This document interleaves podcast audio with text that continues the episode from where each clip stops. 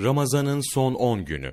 Kadir gecesi ümmeti Muhammed'e mahsus inayeti ilahiyedendir. Cenab-ı Hak bu mübarek geceyi büyük hikmetlere mebni gizlemiştir.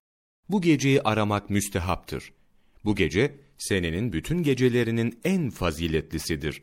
Bu gecede işlenen bir hayır ve ibadet, başka gecelerde yapılan ibadetlerin bin tanesine eşittir.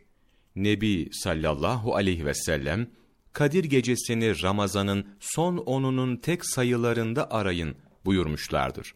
Buhari, Resulullah sallallahu aleyhi ve sellem, Ramazan'ın son on günü girdiği zaman kaftanını bağlar, yani bütün kuvvetini sarf ederek derlenip gecesini ihya eder, aile ve fertlerine de öyle yapmalarını tembih ederlerdi.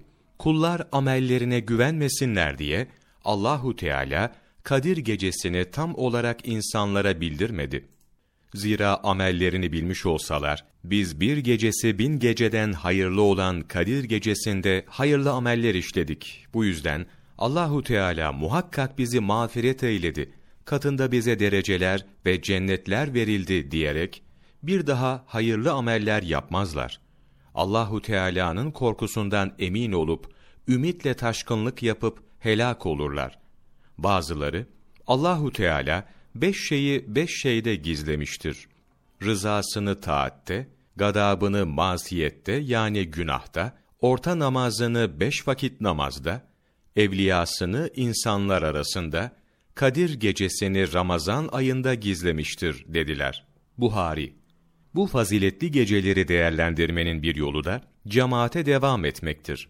Nitekim Nebi sallallahu aleyhi ve sellem yatsı namazında cemaatte bulunan kimseye gecenin yarısına kadar namaz kılmış gibi sevap vardır.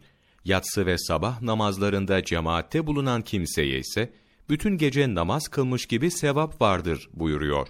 Tirmizi İnsanlar yatsı namazıyla sabah namazındaki fazilet ve sevabı bilselerdi, emekleyerek bile olsa mutlaka camiye, cemaate gelirlerdi buyurmuşlardır.